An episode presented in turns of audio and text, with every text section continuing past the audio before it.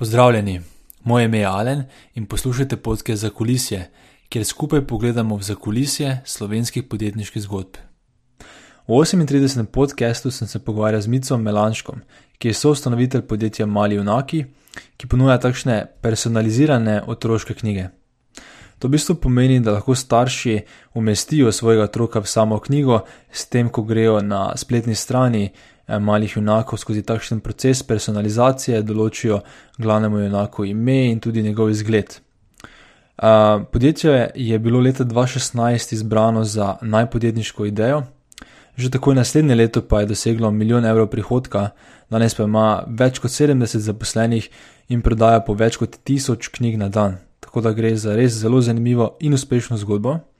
Tudi Mic je znan še po enem uh, zanimivem in uspešnem projektu In sicer sta s punco Katko uh, zgradila enega najbolj popularnih slovenskih popotniških blogov, posodje lepo.com, kjer sta objavljala svoje dogodišče na izpotovanja po Aziji in uh, spotoma pridobila tudi veliko donosnih sponzorskih sodelovanj, ki jim je omogočilo, da sta v bistvu nadaljevala potovanje. Tako da smo se dotaknili tudi te zgodbe. Za samim podkastu sva se potem uh, dotaknila, koliko prihodkov lahko v Sloveniji sploh pričakuje uspešen bloger torej kakšne številke sta skratko dosegala na blogu povsodjelepo.com. Pogovarjali smo se o zelo zanimivi strategiji, ki imajo podjetje Mali enaki pri vstopih na novi trg, kako uh, ima organiziran uh, marketing, uh, kakor tudi o tem, kako se je potrebno pripraviti uh, za delo od doma oziroma iz tujine. Kajti Mic še danes uh, skupaj s Katko ogromno dela um, iz tujine oziroma od doma in uh, smo se pogovarjali o tem procesu, torej kako se na to pravilno pripraviti. Posebna zahvala pa gre še podporniku tega podcasta in sicer računalniškemu studiu 3FS, uh, ki periodično ustvarja spin-off podjetja. Uh, v bistvu gre pa za enega izmed začetnikov in bolj znanih podpornikov startup okolja v Sloveniji. Toliko v samem uvodu, sedaj pa želim prijetno poslušanje pogovora z Micem. Ja, pozdravljen, Mic. Prvo, prvo, hvala, da si si vzel čas. Ja, z veseljem. Odlično. Uh, vse veš, ki pričnemo ne? na začetku. okay. Veš, odkot tvoja podjetniška ambicija? In zdaj me to zanima, ali si delal že kaj takšnega pred temi zgodbami, ki jih vsi poznamo, uh, ali, se bolj, ali, ali se tu začne pri malih junakih in pri blogu Povsodje lepo? Ja, mislim, da si kar prav nastavil. Um, niti približno se ne začne tle. Uh, moram reči, da sem že po osnovi iz neke družine, kjer je bilo podjetništvo v taki ali drugačni obliki uh, nagrajeno in spodbujano. Uh, spomnim se mojega prvega biznisa. V bistvu sem se ga zelo spomnil, ko si, ko si začel ti govoriti. Oh, cool. Sicer s kolegom, a se spomniš, uh, Sega Mega Drive konzole. Ja, ja. No, mi s kolegom smo to imeli, jaz sem izveljen drugače in smo uh, kopali tiste, ne vem, kako se je rekel, takrat mislim, da kasete, pa čigrte si kupili na kaseti in smo kopali ja, te ja, kasete, ja. na koncu smo imeli ogromno zbirko teh vsega Mega Drive kaset. In pa sem se 7. novembra spomnil, da bi mi mogla štant postaviti in uh, izposojati te videokasete. Na kar sem že to vse zorganiziral, pa že štant postavil pred vlastno hišo, pač lokacija je bila ultimativna, ker je živim tako na obrobju velenja, ker nobene žive duše ni, ampak pač štant je bil tam. In pa vem, da me je od tega kolega, zunaj je bil že sneg, pač tako res ono zimsko, veš, zgodnji večeri in tako naprej. In me je od tega kolega oče klical in je rekel, veš, mic tole pa. To pa jaz ne vem, če mojega tam malega pusti zdravno ta biznis, pač, da bo ta videl cel dan tam stala na mrzlem zunaj, pa mogoče kako kasete na teden izposodila. Joj, Marija, zdaj mi je pa ubil moja podjetniška ideja. Ampak. Uh, ja, um, slab začetek, pa potem boljše nadaljevanje. Potem sem pa skozi nekaj spogledoval z stvarmi, ki so me, po domač povedano, rajcale. Zdaj, ali je to bila, je to bila glasba, ker smo imeli bend in smo tudi dosegli nek preboj na, na tujo sceno, pa imeli turneje po Nemčiji, ali je bil to nek management, ali je bilo to producentstvo v, v glasbi, kjer smo izdajali albume. Um, imel sem tudi to, najbrž ne veš, ne pa mogoče marsikaj ne. Imel sem tudi en uh, erotični blog, uh, ki se mu reče blog 69.si. Uh, Če kaj še na spletu? Ja, ja, ja kar poglej. Ja. En izmed, na, pogleda, en izmed najbolj uh, branih člankov, pa žal mi je, če boš mogel tole zelo dati en pisk, če je bilo fafanje za telebanke. Uh, Drugač, poslovni model tega bloga je bil, če, če me vprašaš, vrhunski. Pač to je bilo 20-30 piscev, slovencev, punc, uh, tipov starih med 18 in vem, 45. In smo pisali osebne izkušnje. Pač ni nujno, da je bilo samo opolsko ali pa zelo, uh, zelo eksplicitno, ampak tudi vprašanja, dileme, whatever. Uh, in ta blog se je, fulano, primo, na kar sem jaz uh, dobil ponudbo, da lahko ta blog nekomu prodam. In sem ta blog prodal, in v tistem času sem tudi šel, sva šla z mojo punco na potovanje. Mm, in ob tem sva potem ne naredila, posod je lepo blog, ampak ga samo uh, malo bolj zasnovala, ker posod je lepo, je laufo že od leta 2009-2010 naprej. Mm -hmm. In ko smo šli na potovanje, niti približno nismo imeli v mislih, da bomo. Iz tega bloga karkoli služila, čeprav je bilo že takrat to influencerstvo, neko to porasto, ampak uh, Meni osebno, pa potem tudi kmalo za tem, kratki moji punci, je postalo potovanje tako res neka ventilacija uh, pa nek ultimativen uh, pojem svobode, kjer sva pač imela določeno, določeno soto denarja in edino, kar naj je omejevalo, je bilo pač kam greva, kam bova dala prst na zemlji, vido pa tja potovala. Mhm. Um, Se je pa potem s časom, ker smo, uh, sem pripričan, zelo srcem delala vsebino na tem blogu in dejansko imela v mislih, da bomo nekomu pomagali, oziroma spodbudili ljudi, da naj grejo pogledati, če vse, da ni tako grozno, kot pravijo naše babice, pa ne strašijo ali pa mediji. Uh, in smo res dobila neko tako zelo uh, prijetno, pa bom rekel, tudi relativno veliko bazo bralcev. Uh, gledalcev in tako naprej. In sčasoma, seveda, je logično, da k temu tudi pristopijo neki, neke blagovne znamke, neka podjetja, neki produkti, ki so hoteli se promovirati prek najnega bloga, oziroma prek tega, da mi da te zadeve uporabljamo. In um, sporedno s tem, ko smo mi potovali, so mali enaki že tekli. Um, jaz ti zdaj verjetno odgovarjam že kar na tvoje naslednje vprašanje. Ja, v bistvu lahko celi podcast 10 minut končamo, zdaj se vse povej, pa malo potem šla. Ne, se kar ostalo, pač. sam ko si vprašal, kje so začetki, pa ni konca. Ne, ne veš kaj, ok, te pa tem kar ostalo, pa gremo lepo po vrsti. Razloži mi, torej, seveda, ta blog 69 je zanimiva zgodba. Ne? Ja. Uh, Predvidevam, da tudi potem je ta izkušnja tudi nekako vplivala na tebe, da si začel ta drug blog, skratko, torej posodje lepo. Ne? Ampak da razloži mi točno, a si takrat že imel punco, ko si začel pisati ta blog, veš, kako si predstavil kolegom, kaj točno delaš, veš, kako si to idejo upravičil oziroma predstavil drugim, da si zelo to. Blog 69. Tako. Um, v bistvu sem jaz takrat živel v, eni, uh, v enem stanovanju v Ljubljani, ki nas je bilo noter 9, 10, 11, 12, pač odvisno, koliko se, so, se ljudje priseljevali. In smo bili en tak lušen, ena tako lušna skupnost, kjer smo se zelo odkrito pogovarjali o, o vseh stvarih. Um, in ta ideja za ta blok je nastala tako zelo spontano, pač po enem žuru, ko smo se začeli pač o tem pogovarjati. In smo sem takrat ugotovili, no, pa se ni, ni rocket science, da smo. Da smo Da moški drugače razmišljamo kot ženske. In tako, lej, to je treba nekam zapisati, da bomo en za drugega vedeli, kako razmišljamo. Um, tako da on prvi začetni, začetna spodbuda prijateljev se je zgodila že, že tistega jutra po prežurani noči. Um, ni bilo neke drame okoli tega. Um, potem je pa zadeva pač se primla, pač vse veš, mislim, mm -hmm. seks se prodaja v taki in drugačni obliki, tako da tu ni bilo treba neki zelo razlagati. Pač produkt je bil zelo jasen, pač erotične zgodbice, takšne in drugačne, kdo tega ne bi hotel prebrati. Mm -hmm. Kje si pa potem dobival uh, folk, da ti je pisal zgodbice? Ja, verjamem, da so se dnevno prijavljali na to, da bi radi pisali. To je, to je bil ta manj sporen. Prvo, itak po prijateljih, pač tiste, ki se ja. vedo, da so malo bolj odprti, pa da bodo razumeli. Um, potem, pa, potem pa res ni bilo težav. Mislim, na koncu smo se jih branili, pa tudi verjamem, da sem marsikero uh, opolsko fotografijo mogel pogledati, ko so začeli predvsem tipi pošiljati uh, svoje fotke v moj uh, mailbox. Pač. Oj, oj. ja, okay. okay, exactly. Gremo pogledati v poslovno plat. In Ja. sicer, koliko časa si uh, pisal ta blog? um, en, eni dve leti. Dve leti. Okay. In koliko občinstva ste dobili v tem času?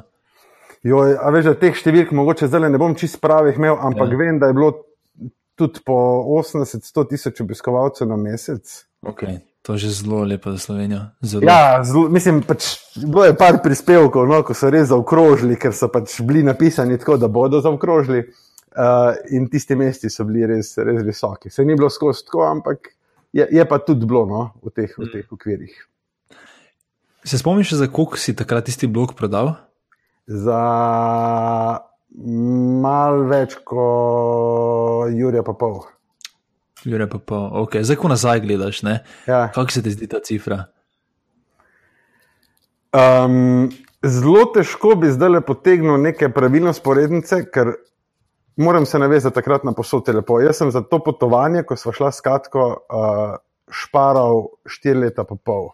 Mm. In jaz sem v teh štirih letih pa pol uspel prišparati 9600 evrov. In ko pogledaš relativno proti temu znesku, je 1500 evrov zelo velik. Oziroma, če to postavim še neko drugo perspektivo, 1500 evrov je tri mesece dobre uživance na potovanju v Indiji. Mhm. In valjda se mi je takrat to zdelo zelo veliko, še zdaj se mi zdi, ker ne morem negirati svojega prejšnjega razmišljanja. Uh, tako da se mi zdi v pravem trenutku za pravi denar. Uh, tako. Mhm. Mhm.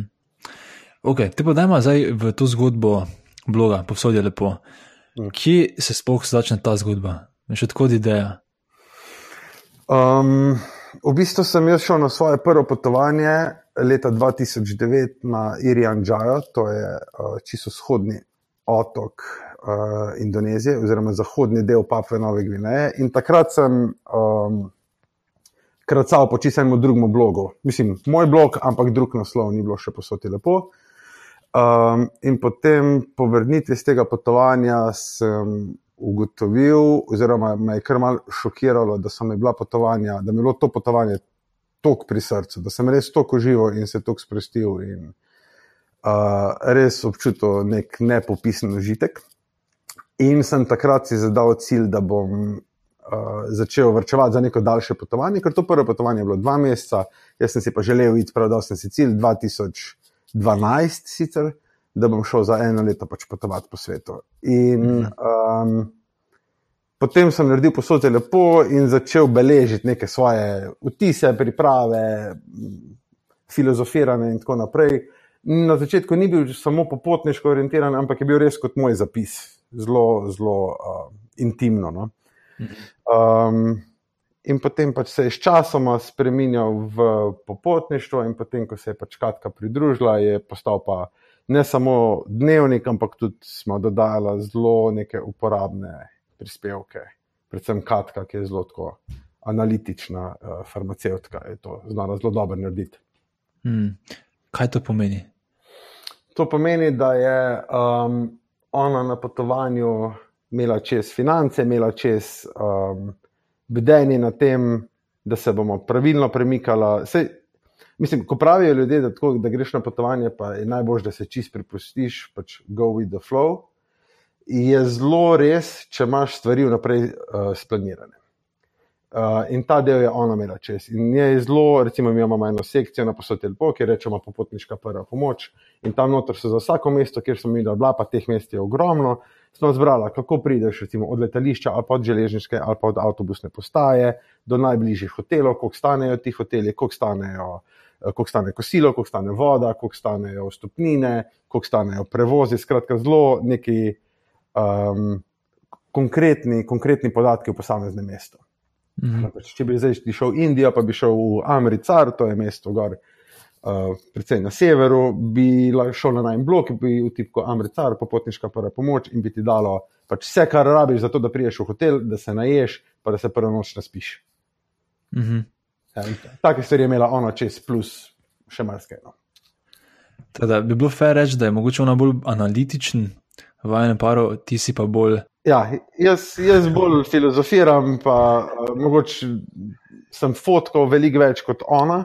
Uh, ona, je pa, ona je pa skrbela za to, da smo vse te podatke, ki smo jih mi pridobili, oziroma izkušnje, zabeležili na način, da so ljudem prišli prav. Škaj je ena tema, o kateri se tudi podjetniki radi pogovarjajo, ali pa ne radi. No? Mislim, obstaja neko pravilo, ne napisano, sicer, da, da ne bi šel v posel s partnerjem, ne? Ženo, hmm. možem, uh, fantom ali punco. Uh, Vidva pa delate ravno kontra. Teda me zanima, kakšna je vajna izkušnja? Um, po mojem, bi mogel bolj njo vprašati. Uh, jaz, ja, mislim, vsaka zgodba ima dve plati, tako da jaz ti lahko samo eno zdaj povem. Ja, um, Kar se tiče posodja, lepo je bila zadeva taka, da mi, prednjo smo se odločili, da gremo potovati za to časa skupaj, sva bila par nekaj mesecev. In uh, zdaj se sicer nazaj temu smejimo, ampak ko smo šla pač potovati, prve dva meseca, to je bila kriza. Je bilo, ampak ne, ne toliko iz nekega poslovnega vidika, ko pa sem tako z nekim novim človekom si na poti, si en mesec na poti, začneš ga spoznavati na nek drug način in pol imaš v glavi ojej, zdaj bom pa jaz to še eno leto prenašal. In smo, smo res, pa plus tega, da smo začeli na Šrilanki, ki je ok, potem smo šli pa v Indijo in smo se res Indijo zastavili zelo težko, zelo, zelo smo dali sebe na preizkušnjo in je še toliko bolj vplivalo na to, da smo se, da smo se res poznali tako. Res smo se slekli in smo rekli, da je to sem, zdaj pa, you know, deal with it. Yeah, yeah. Um, Tako da potem je tista stvar postala zelo prijetna in smo začeli o tem zelo uživati. In potem se je ta blog, oziroma najne vloge v blogu, so se zelo organsko razvile, nismo jih silili za noč. Ne morem reči, da se nikoli nismo skregali zaradi bloga, še zdaj se ruknemo pošteno uh, v kakih temah. Uh, ampak nikoli pa ni bilo, um, nikoli pa ni bilo nekega grenkega priokusa ali pa ali pa, ali pa zamer. Um, če, če, boš, če bomo imeli čas, ti lahko sicer povem, kdaj je prišel do, do grenkega priokusa, ampak to postavi zgodbo že zelo, zelo današnji čas. Um, ampak ja, lahko potem govorimo o tem, ali pa zdaj, če želiš. Ne, da ima kar zdaj, pa se pa bom potem. Okay. Ja. Mm, Naj blog z vsemi pripadajočimi kanali, Facebook, Instagram, neki YouTube, predvsem pa blog. Um, ima zelo veliko bralcev in tako sem že prej omenil, je privabil tudi zelo veliko nekih blagovnih znamk, podjetij, produktov, ki so hoteli se uh, promovirati prek najo. In v enem trenutku je, je postalo to za najo zelo, zelo obremenjujoče. Uh, obremenjujoče do te mere, da, da so vsa potovanja iz leti um, ali pa karkoli, no, pač postali zelo, zelo predvidljivi in zelo zahtevni v smislu uh, dovajanja neke osebine, ki ne bo všeč samo nama, ne bo všeč samo bralcem, ampak mora biti nujno všeč tudi tajnim naročnikom. Mhm. Pač postala smo neka taka potojoča, potojoča oglaševalska agencija. In um, nama je obema. Nama obema potovanja predstavljajo strast in tako sem že prej rekel, neko zventiliranje um, samega sebe in najne zveze, in naenkrat je postalo to zelo, uh, zelo pekoče. No? In za najo, vsakega osebno, in za najno zvezo. Um, in smo v enem trenutku rekli, da, da nočemo nočma odčrniti te, tega, te strasti, in smo um, prenehali sprejemati vsa sodelovanja. In sicer to je tisto, kar sem rekel, da smo se pač mogli oren kruknati, ker je bilo je bil en tak proces, ni bilo to iz danes na jutro, ampak smo mogla oba to razumeti, da je to nujno potrebno in sva to naredila. In mislim, da smo zdaj pravilno se odločili in na pravilni način rešujemo, sploh v pogledu, uh, mislim, ko postavimo enačbo, tudi to, da smo zdaj sodelavci tudi pri malih junakih. Mm -hmm. Ampak mogoče nam malo bolj opiši, na kak način sta to rešila. Torej, za nekoga, ki je v podobni situaciji in mora rešiti nek delovni konflikt s partnerjem. Ne? Mislim, kako to ločiš, ja. veš. Vse to ni bil, to ni bil tako delovni konflikt s partnerjem, ko pa je bilo to, da so nama potovanja predstavljala nekaj, kar imamo mi dva skupaj, pač tako imajo vsi pari, imajo nekaj počneš svojo drago. Pač, mm -hmm. ali, a veš, a bereš skupaj, ali hodiš eh, tek na smočeh, ali skydiveš, pač nekaj počneš in nama so bila to potovanja. In ko smo enkrat to zgubila, kljub temu, da je bil dober denar, mesečni prihodek od tega, v enem trenutku ni več odtehtalo. In rešitev je bila zelo simpel, pač tisto partnerstvo, kljub temu, da so bila vrhunska in da imamo še zdaj dobre stike, sva mogla odrezati, zato da smo rešila ta, to najno strast, ki, ki, ki je pač najna. Mm. To dejansko zdaj več ne spremata naročil oziroma pač oglaševalskih sodelovanj za blog, zato ker imata počitnice oziroma potovanja za tiste, da se res sprostita. Ja, ne bom rekel, da jih ne sprejemamo, oziroma da jih ne bomo nikoli več sprejemali, smo jih pa v tistem trenutku, ko smo ugotovili, da je to slabo, smo jih imeli toliko velik, da nismo znali na drugačen način ven iz tega priti pa rešiti najo, ko pa da smo vse prekinili. Ok. Torej, kaj to pomeni v Sloveniji, da imaš full popraševanja po tem, da bi nekdo oglaševal na tvojem blogu? Veš, kaj to pomeni, če imaš torej uspešen blog v Sloveniji, ali lahko živiš od tega? Absolutno. Um, mislim, jaz težko, težko rečem, da smo bila med uspešnejšimi blogi v Sloveniji. Uh, vem pa, da smo bila po mojih kriterijih zelo uspešna. Pač od to enačbe dam to, da smo veliko počela tistega, kar smo želela, torej ogromno smo potovala. Pač v zadnjih vem, petih letih smo bila na poti dve leti pa pol praktično. Um, da smo napisala ogromno kvalitetne vsebine, ki še zdaj, kljub temu, da nismo tako aktivna, ima svoje bralce in jim pride zelo, zelo prav. Um, pa absolutno v tistih časih, ko smo imeli sodelovanje, je tudi finančna, finančna slika bila taka, da smo lahko oba dobro živela od tega, seveda pa smo mogla za to biti v nekih drugih državah. V Sloveniji Aha. bi lahko preživela s tem denarjem, rečemo temu, normalno tam, ko smo bila, smo si pa lahko veliko stvari privošla. Ampak spet smo si privošla stvari, ki smo vedela, da bojo, da bojo uh, ovekovečene na nek lep, pa simpatičen način, tudi na posodi lepo. Mm -hmm. Kaj to pomeni v številkah, če se lahko malo bolj konkretno pogovorimo za blok? Koliko sta takrat na leto, pa na mesec dobivala eh, prihodka iz tega?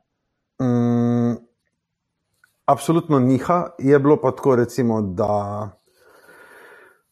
Po mojem najboljši mesec, da je bil, bom res rekel, na blef 5000 evrov, najslabši, pa mislim, slabši, nek povprečen, pa recimo, da smo dobili eno dobro slovensko plačo. Mhm. Teda to je nekje med rečemo, 30 in 60 tisoč evri na leto, bruto. Ne? Ja, recimo kaj takega. Ja. Recimo kaj takega. Mislim, Ni, ni bilo nikoli 60 tisoč, ni bilo nikoli 60 tisoč, pa če čuni, da je bilo recimo poprečno, da je bilo enih, kaj pa vem, 1200-1500 evrov na mesec, je to 15 evrov na leto. Vse. Okay.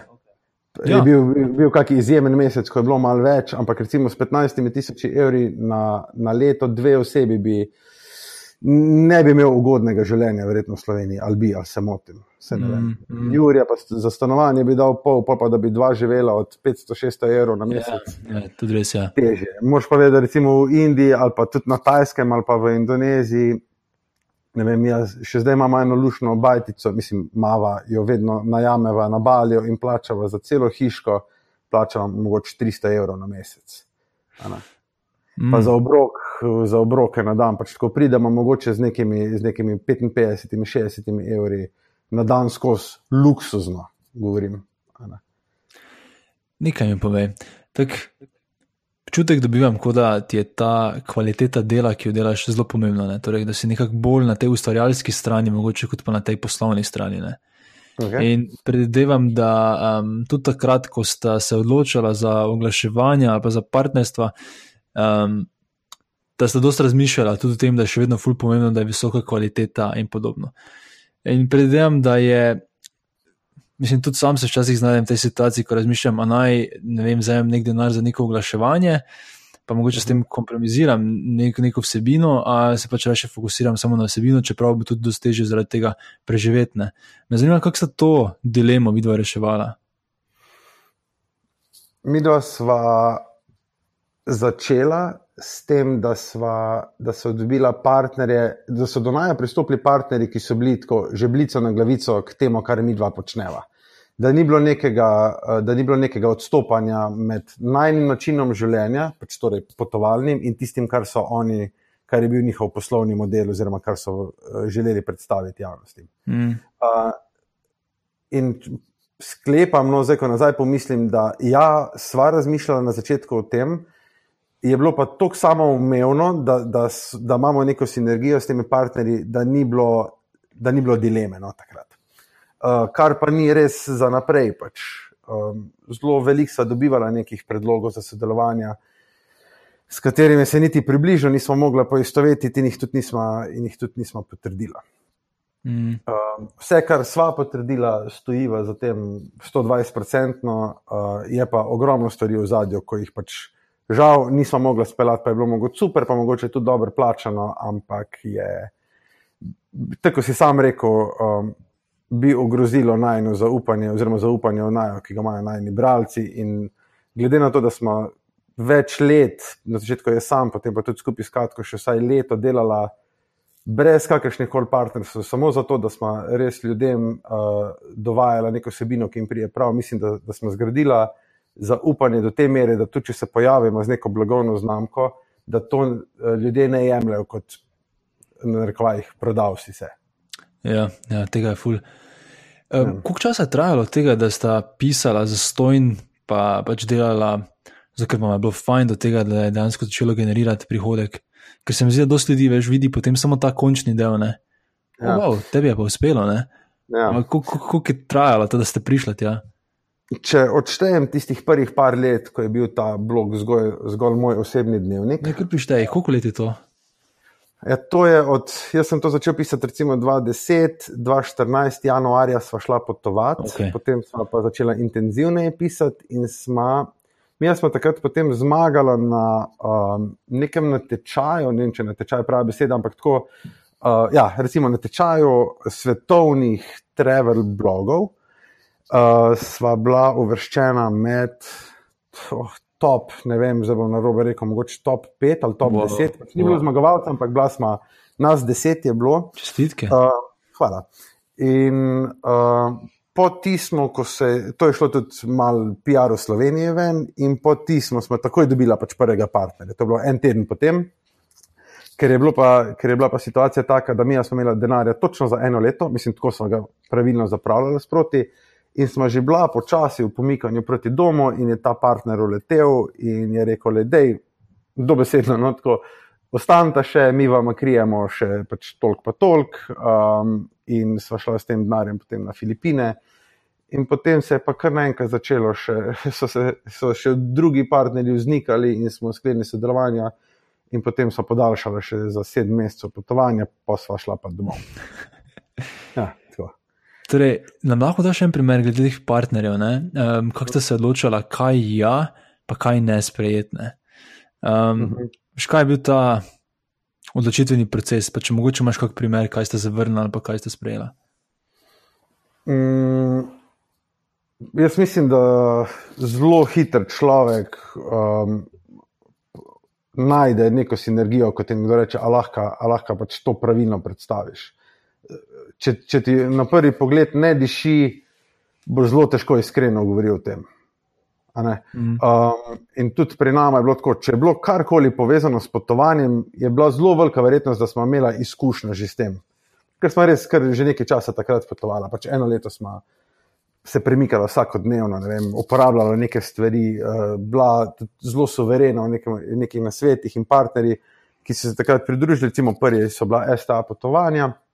Je bilo zelo logično, da, da moramo nekaj skupaj narediti. Mm. Pač oni, njihova klientela so večinoma recimo študenti, no, vsaj takrat so bili. Um, in naj, najni bralci so tudi bili stari, verjetno tam okoli najo nekje primarno.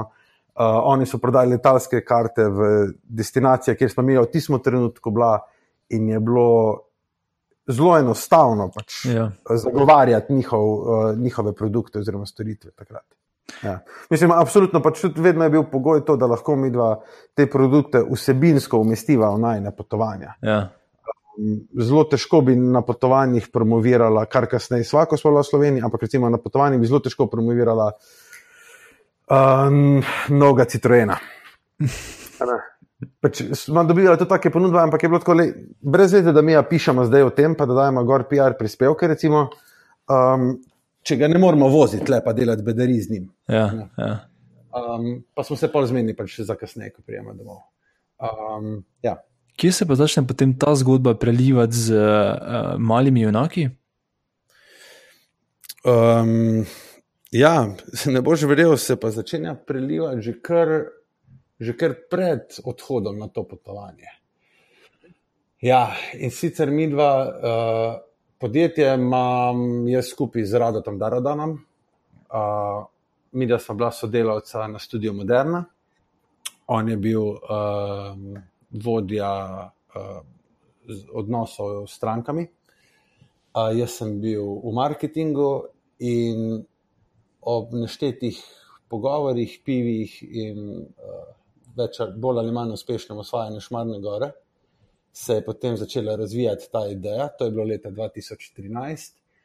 In um, septembra 2013 uh, smo mi lansirali male enake.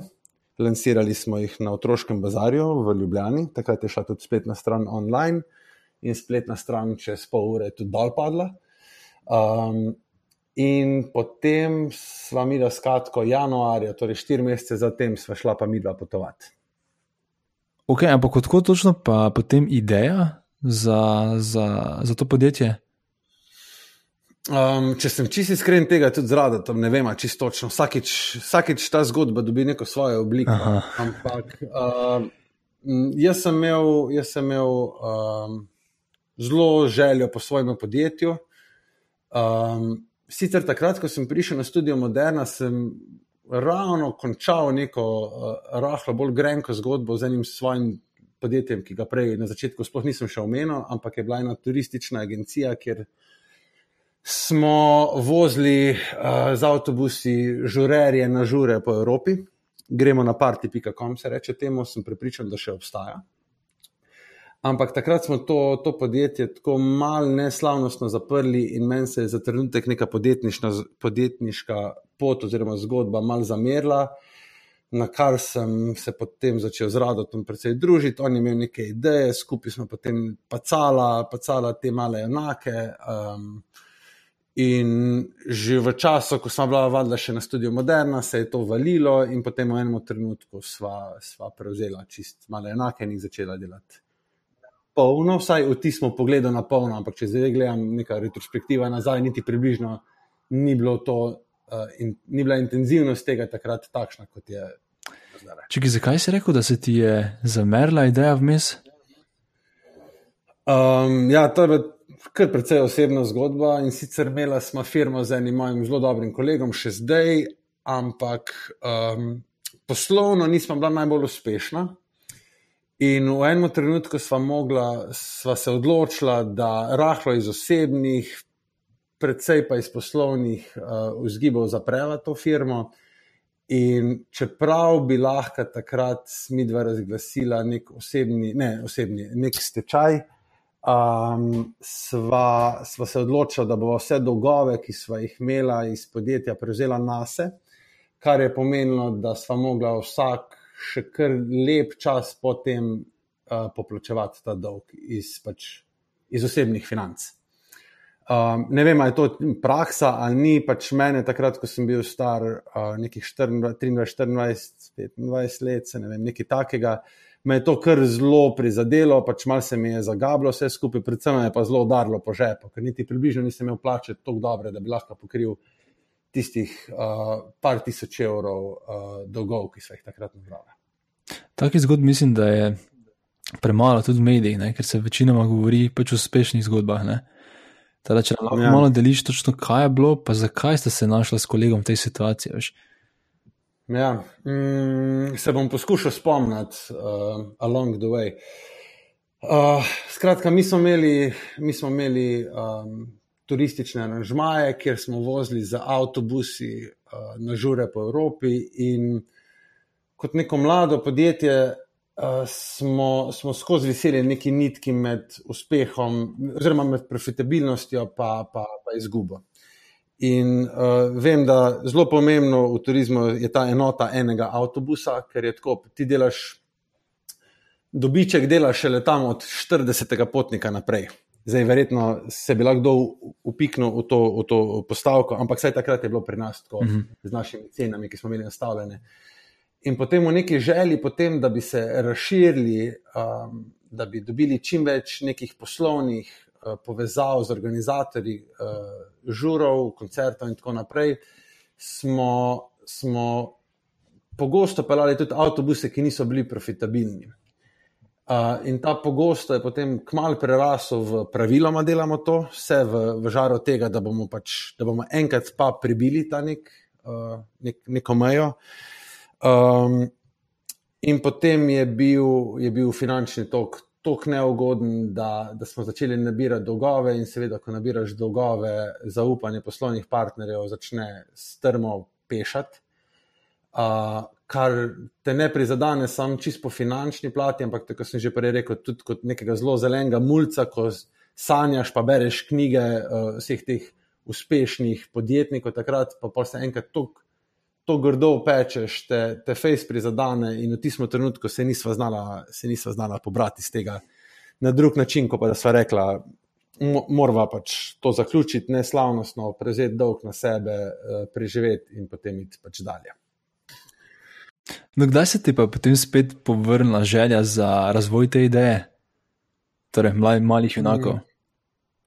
Pač skozi pogovore z Radotom. To je bilo zelo, zelo nedožno na začetku. No. Z, pivo, dva, naslednjič spet, uh, malo da delati idejo, malo izzivati en drugega, um, malo sanjariti. Uh, zelo, zelo nam je bilo obema takrat privlačno to, da ni bilo. Da ni bilo praktično ni bilo uh, ponudnika, ki bi delal stvari na tak način, kot smo jih mi imeli v glavi. Um, in, in me je to začelo, pač, me je to začelo rajcati, no? na polno, ker, ker mi je bilo. Ker mi je bilo drugače od vsega, kar sem že prej počel, hkrati sem pa, sem pa zelo videl povezavo med tem, kar sem že takrat z onimi zametki bloga uh, znal, da lahko to znanje potem tudi unovčim tukaj. Ali je to fotografija, ali je video, ali, je, ali so državna omrežja, ali je um, copywriting, uh, oblikovanje. Pač te stvari, ko jih imam rad, ko jih počnem s srcem, sem videl, da jih bom lahko tudi, tudi počel. Mm. Da so se vsa ta neka znanja, ki sem jih od prejšnjih projektov, so se tu potem nekako srečala skupaj. Ne? Srečala v neki taki zelo pravilni, uh, mirni obliki. Ja. To je tudi en taki vzorec, ki ga zdaj od gostov na zakolisju vedno bolj slišim. Ne? Da imaš par takih fejlov, pri vsakem se nekaj naučiš, potem pa pri tistem uh, trenutnem in uspešnem projektu pa je to nekako prišlo vse skupaj. Ne? Vse, mislim, vse je v življenju tudi tako. Ja. Pač. Vsaka stvar se nekaj naučiš, in verjetno, ko je tretji, četrtič delaš, narediš veliko bolj, veliko bolj sovereno, veš, kako se obrniti. Mogoče delaš ene stvari isto, ali pa so eni rezultati isti, ampak te manj, oziroma drugače prizadene, se te drugače dotaknejo, znaš pravilneje odreagirati. Pač, sploh ne bi rekel, da so, veš, da so faili, ampak enostavno pač. Ja, neki... Čist nič ne bi spremenil, kar se je zgodilo. Tudi zaradi tega, zaradi tega lapsa s temi financami, ko sem jih sam iz vlastnega žepa, no, svojih takrat s partnerji, zdi se, izplačala iz vlastnega žepa imam, sem pripričan, zelo pravilen odnos do financ zdaj v podjetju. Pač, niso mi samo umevne, pač vem, kako ne, ne ljuba situacija lahko nastane, če gre karkoli narobe. Mm -hmm. okay, damo, torej, ko se je začela potem bolj resno spet razmišljati o malem inaku, ne? kaj je bil potem ta prvi konkreten korak, ki ste ga naredili? Prvi konkreten korak ki je še vedno eden izmed ključnih korakov, je bilo um, iskanje ustreznih ilustratorjev in avtorjev. Uh, verjetno si pričakoval drugačen odgovor, ker bi mogla začeti pri nekem poslovnem modelu in jada, jada.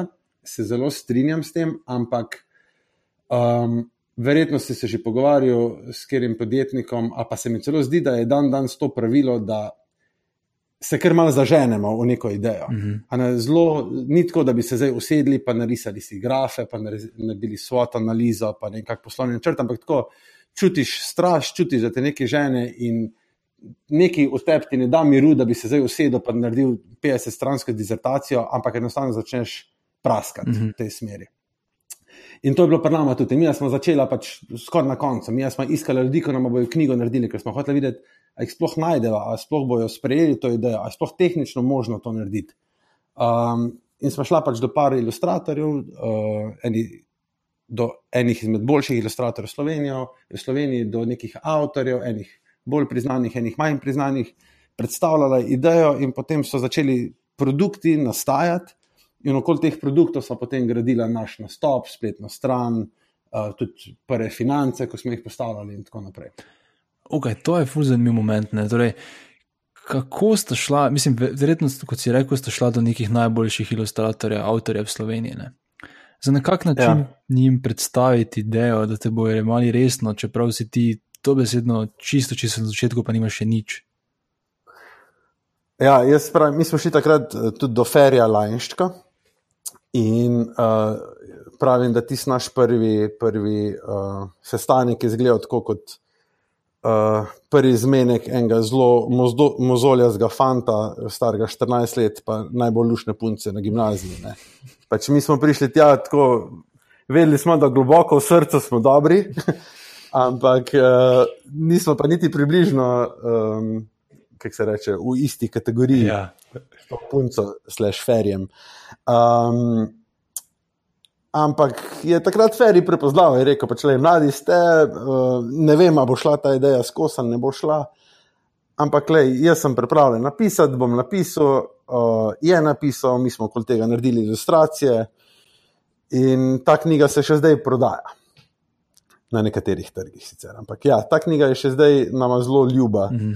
Uh, je, pa, je pa res, da mogoče pa ilustratori, pa avtori so, so od vseh ljudi, oziroma uh, potencijalnih partnerjev, ki smo jim predstavljali, da jo še najbolj sprejeli. Ne, mogoče je to je bil razlog v tem, da so bili plačani takoj neposredno za to, da niso rabili neke, neke ogromne stopnje zaupanja v to, uh, da so mogoče na to gledali kot samo še na en izmed njihovih projektov. Uh, Medtem ko veliko teže je bilo mogoče um, se zmeniti z nekimi, recimo, stiskarnami. Ja. Uh, z logistiko, s takimi stvarmi, ko, ko jim obljubljaš neke številke, ampak je vse, pač, vse je v meni. Mm -hmm. Bereš v misli, točno, točno to me vse zanima. Ampak kot prvo, da, če najprej končamo avtorje. Kako okay. je za vas in za vaš poslovni model pomembno, kdo je avtor? Ja, zdaj si odprl Pandorino skrinjico. Um, nam mi že od vsega začetka imamo mantro v podjetju, da delamo vse od A do Ž. To pomeni, da produkt, imamo idejo za produkt, produkt sami razvijamo, oziroma bom kar govoril knjigo. Pač imamo idejo za knjigo, dobimo avtorja, dobimo ilustratorja, dobimo urednika, lektorje, pač copywriterje, dizajnerje, vsi, ki skrbijo za to, da knjiga nastane ko to knjigo naredimo, potem tudi sami skrbimo za njeno prodajo. To pomeni, da vse marketing delamo sami znotraj firme in tudi prodaja se vrši izključno prek, uh, prek naših kanalov. In zdaj, če se vrnem na tvoje vprašanje, kako pomembni so avtori in recimo ilustratori. Um, zelo, zelo, zelo, zato ker pač oni so levji delež nastanka te, tega, te prve faze, torej produkta. Eh, če je bilo tvoje vprašanje, ali je pomembno ime avtorja? Ja, točno to. Uh, ja, če je tvoje vprašanje to, um, moram reči, da rahlo niham tukaj, uh, še sam nimam točnih, točne predstave o tem. Pač definitivno je dejstvo, da na slovenskem tržišču, če knjigo napiše nekdo, ki je uveljavljen, to zelo veliko pomeni. Mm. Je pa res, da so na slovenskem tržišču najboljši avtori veliko lažje dostopni, kot pa najboljši avtori na ameriškem tržišču. Ja. Ti lahko predstavljaš, ja. absolutno.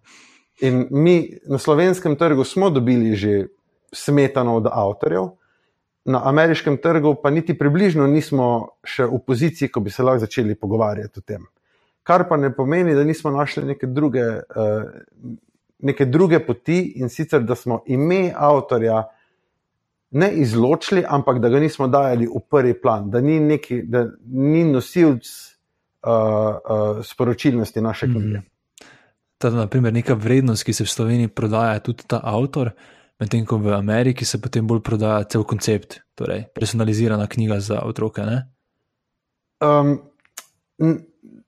Um, v našem primeru je to absolutno res, ampak moš pa vedeti, da še nismo pač probali z J.K. Rowling napisati knjige. Tako da absolutno se bi knjiga z njo ja, prodajala, ite. ampak enostavno si tega ne moremo niti privoščiti, niti sem prepričan, da še nismo sposobni tega zdaj izpeljati na način, kot bi ona ali pa mi tudi želeli. No. Ok, ampak kakšen pa je vaš plan, naprimer, kako priti do J.K. Rowling? Ker to je ena zadeva, ki se ponavlja v veliko, po, veliko idejah. Ne? Se mi zdi, da uh, imaš na začetku vedno ta feeling kot si ti omenil, da greš kot mozoljast uh, fant do najlepše punce ne? In to narediš čisto ja. na začetku, namesto da bi počakal, da ta fant malo dozori. In tako naprej. Ja, ja. In, in me zanima, kaj je bolj, boljša strategija za, za tujino, da če se pogovarjamo. Ali tako id do uh, teh največjih avtorjev, torej najbolj sijočih partnerjev, ne, ki od zunaj izgleda, kot da nam je ja. že uspelo, ali je vseeno boljši korak po korak? Mm, jaz bi rekel ne eno, ne drugo, ampak to govorim samo iz naše lastne izkušnje. Pač mi nismo šli niti korak po korak, niti do najboljših avtorjev, ampak smo enostavno razvili poslovni model, ki daje vse te stvari iz enačbe. Veš, nam ni, mi smo, uh, ko, ko razmišljamo o produkciji oziroma o zasnovi knjig, sploh ne razmišljamo več o tem, da bomo dali nekega znanga avtorja noter, ampak ogromno resursov, pač ljudi, časa, tudi konec koncev financ investiramo v to, da najdemo prave koncepte, ki se bodo prodajali. Mm -hmm. Avtor bi v tem primeru bil samo pika na i, ki bi absolutno uh, držal po konci neko zanimanje oziroma nek, kaj je to, baz okoli okol te knjige, ampak niti približno pa nočemo ali računati na to, ali pa si kadarkoli reči, joj, če bi pa to nekdo drug napisal, bi bilo pa boljše. Mm -hmm. Torej, z drugimi besedami, važno je, da je ta osnovni koncept, ne, torej zgodba, ki se predstavlja, da je smiselna in zanimiva, in da jo stranke želijo, ne, in potem to, kdo je avtor, ja. je v bistvu samo ta smetana na vrhu. Lej, jaz si to tako predstavljam, da uh, ena skladba ob tabornem ognju zveni ful dobro aranžma, čez naredi pa lahko kjerkoli bend. Zdaj, odvisno, kjer bend je to, tako dobro bo zvenela skladba. Mm. Ali če obrnem zadevo, če skladba ob tabornem ognju, samo ob kitari, ne zveni ok, ti ne pomaga, da naredi čez whoever komat. Ja. Razumeš? Isto je pa naš, če koncept sam ne stoji, nam nič ne pomaga, če damo čez najboljše ilustracije, pa najboljšega avtorja, pa ne en koliko denarja zmečemo v oglaševanje, če koncept pade, ne bo prodaje. Ja, Razlog, zakaj sem se toliko časa tu zadržal, ker se mi zdi to fenomenalni nauk. Ne? Da, veš, na mestu, da se ukvarjaš s tem, koga vse lahko pripeljem zraven tej ideji, pa do vse, s kom se lahko postanem partner, da bo zgledal, da sem bolj uspešen kot sem, je mhm. bolj, da reči čas porabiti na produktu, pa ga naredimo res tako, da bo strankam v redu, ne? pa da bo želeli. Meni se zdi to zelo demotivacijsko, pa na trenutke tudi moreče, da postavljaš odločitve, oziroma da si odvisen od volje mhm, drugih ljudi. Mhm. Tudi preko sem ti rekel, zato delamo mi uh, vse povezano z marketingom, od video, fotkanja, um, ni da ni, vse delamo znotraj hiše. Ne samo zaradi tega, ker ja, mogoče je za, začetek težji, pa traja par mesecev, leto, mogoče dve, da to usvojimo, ampak potem pa to znaš in lahko to naučiš naprej. In ti je to kot neka, nek, nek podstat ja. tvoje firme. Ne, če bi se skozi zanašali na to, da se bojo drugi, ali pa se bomo že dobili nekoga, ki bo to naredil boljš kot mi, malo si na milost in ne milost prepuščen pač svetu. Mm -hmm. Ej, zadnje vprašanje še glede teh avtorjev. In sicer, kakšen zgleda finančni del z njimi? Koliko je uh -huh. treba, ne vem, če daš kot primer za Slovenijo, tako čist poprečje, koliko moraš plačati za avtorje, da lahko z njim sodeluješ? Ali je to samo enkratni fi, ali je to nekaj, kar moraš potem vsake knjige plačevati? Pa če malo primerjaš Slovenijo ja. z tujino. Um, mi se gremo tu rahlo drugačen model kot absolutno ostalo založništvo. Um, naše knjige, ne vem, koliko poslušalci, pa koliko ti poznaš, pač mi imamo knjige, kjer personalizacija ni samo v okviru tega, da ti določiš ime in izgled svojega, svojega otroka, ampak vse več in več ponujamo personalizacijo tudi na ravni določene same vsebine knjige. -hmm. In ker je to zgod, neskončna zgodba, to pomeni, da tudi avtori, ob tem, ko oddajo pač prvo, rečemo temu, prvo knjigo, so pogodbeno, pa tudi čustveno zavezani k temu, da bodo to knjigo skozi nadgrajevali z novimi zgodbami, z novimi možnostmi, ki jih lahko potem končni naročnik doda v svojo zgodbo. Mm -hmm. v svojo knjigo. Pardon. To pomeni, da je naša knjiga, um, ko bo, ko bo uh, Andrej Velik, uh, ki smo jo zdaj prodali že več kot 150 tisoč izvodov, je največji uspeh, oziroma največ so se ljudje uh, dotaknili in govorili o tem, zaradi tega, ker si lahko ti izmed širokega nabora zgodbic, kaj bo tvoj otrok, bo velik, jih sam zbral deset in jih dodal v knjigo. Um, in s tem si ti, kot naročnik te knjige, zelo velik sebe dal v, to, v ta naročniški postopek, kar je tudi pač, svet igral našega podjetja. Lahko se o tem tudi pogovarjamo, če bo želel. Uh, ampak hočem reči, avtori so, so zelo pomemben del tega, da je knjiga prije na trg in hkrati, da knjiga ima zelo dolgo življenjsko dobo in so temu primerno tudi finančno nagrajeni, kar pomeni. Da se vedno poskrbi, da so zelo dobro plačeni za tisti čas, ko knjigo ustvarjajo na začetku, ker ta čas je dolg, to je več mesecev, pol leta, včasih tudi leto dni, in potem so nagrajeni tudi od vsake prodane knjige. Kakšne so pa poprečne cifre? Veš, kaj se pogovarjamo o par tisoč evrov ali par deset tisoč ali sto tisoč? To bom težko povedal, ne da bom imenoval kogarkoli tega, tukaj bom rahlo previden. Ne, bolj, veš, tako nasplošno, samo neki okvir, kaj se sploh pogovarjamo. Um, rečemo temu, da, da se gre za, za, za lepe zneske. okay. ja, mislim, zelo rad bi delil to, ampak to je malo NDA v zadnji in niti približno nočem koga ne, postaviti. Ne, ampak mislim, vse računice, 150 tisoč knjig, enih je bilo prodanih. Um, če bi avtor dobil samo uh, en procent od, od, ene, od vrednosti ene knjige, mislim, da računica ne bo, ne bo težka. Okay. Polte ne bom več za to stiskal, gremo naprej. Um, drugi zelo pomemben del, verjetno tudi partner za vas, uh, so pa ti tiskari, kot si rekel. Ne? In glede na to, da imate zelo neklasične knjige, torej dejansko morajo začeti vsako knjigo. Um, ja, treba prilagoditi, verjetno, ne, zelo proces tiskanja. Kako ste uspeli najti uh, tiskarja. In potem, kako ste se sploh uspeli spogajati za neke boljše pogoje, ker predvidevam, da so vam dali na začetku kar slabe pogoje v primerjavi z nekimi klasičnimi knjigami. Uh -huh. um, ja, naj pač omenim, mi tiskamo vsako knjigo samo enkrat. Uporabnik je naročil na strani, gre v tisk in potem unikatni zvod dobi na dom kar pomeni, da smo mi mogli uh, dobiti ponudbo od tiskarjev, ki zajema vse, od tega, da oni pač dobijo od nas um, datoteko, da natisnejo vsebino, da natisnejo trdo uh, platnico, da to zvežejo, spakirajo in pošljajo končnemu uporabniku. Um, na srečo je digitalni tisk že precej pred nami, no, ampak uh, vsekakor pa v tistem času, ko smo mi to razvijali, doživel en tak mali razcvet s temi ogromnimi um, HP Indigo stroji, pač to večina naših tiskarjev uporablja in to je zelo poenostavilo, oziroma zelo optimiziralo stroške tiska. Um, tako da mi imamo, začeli smo z enim tiskarjem, ki je skrbel samo za Slovenijo. Um, on je zelo, bom rekel, zelo majhne butične tiskarne, zdaj tudi z nami, precej zrastel v neko večje. Uh, Uh, je pa res, kot si samo omenil, da prve cene niso bile ugodne, ne za njega, pa ne za nas. Ne? In smo tukaj našli neko, neko, neko zlato sredino.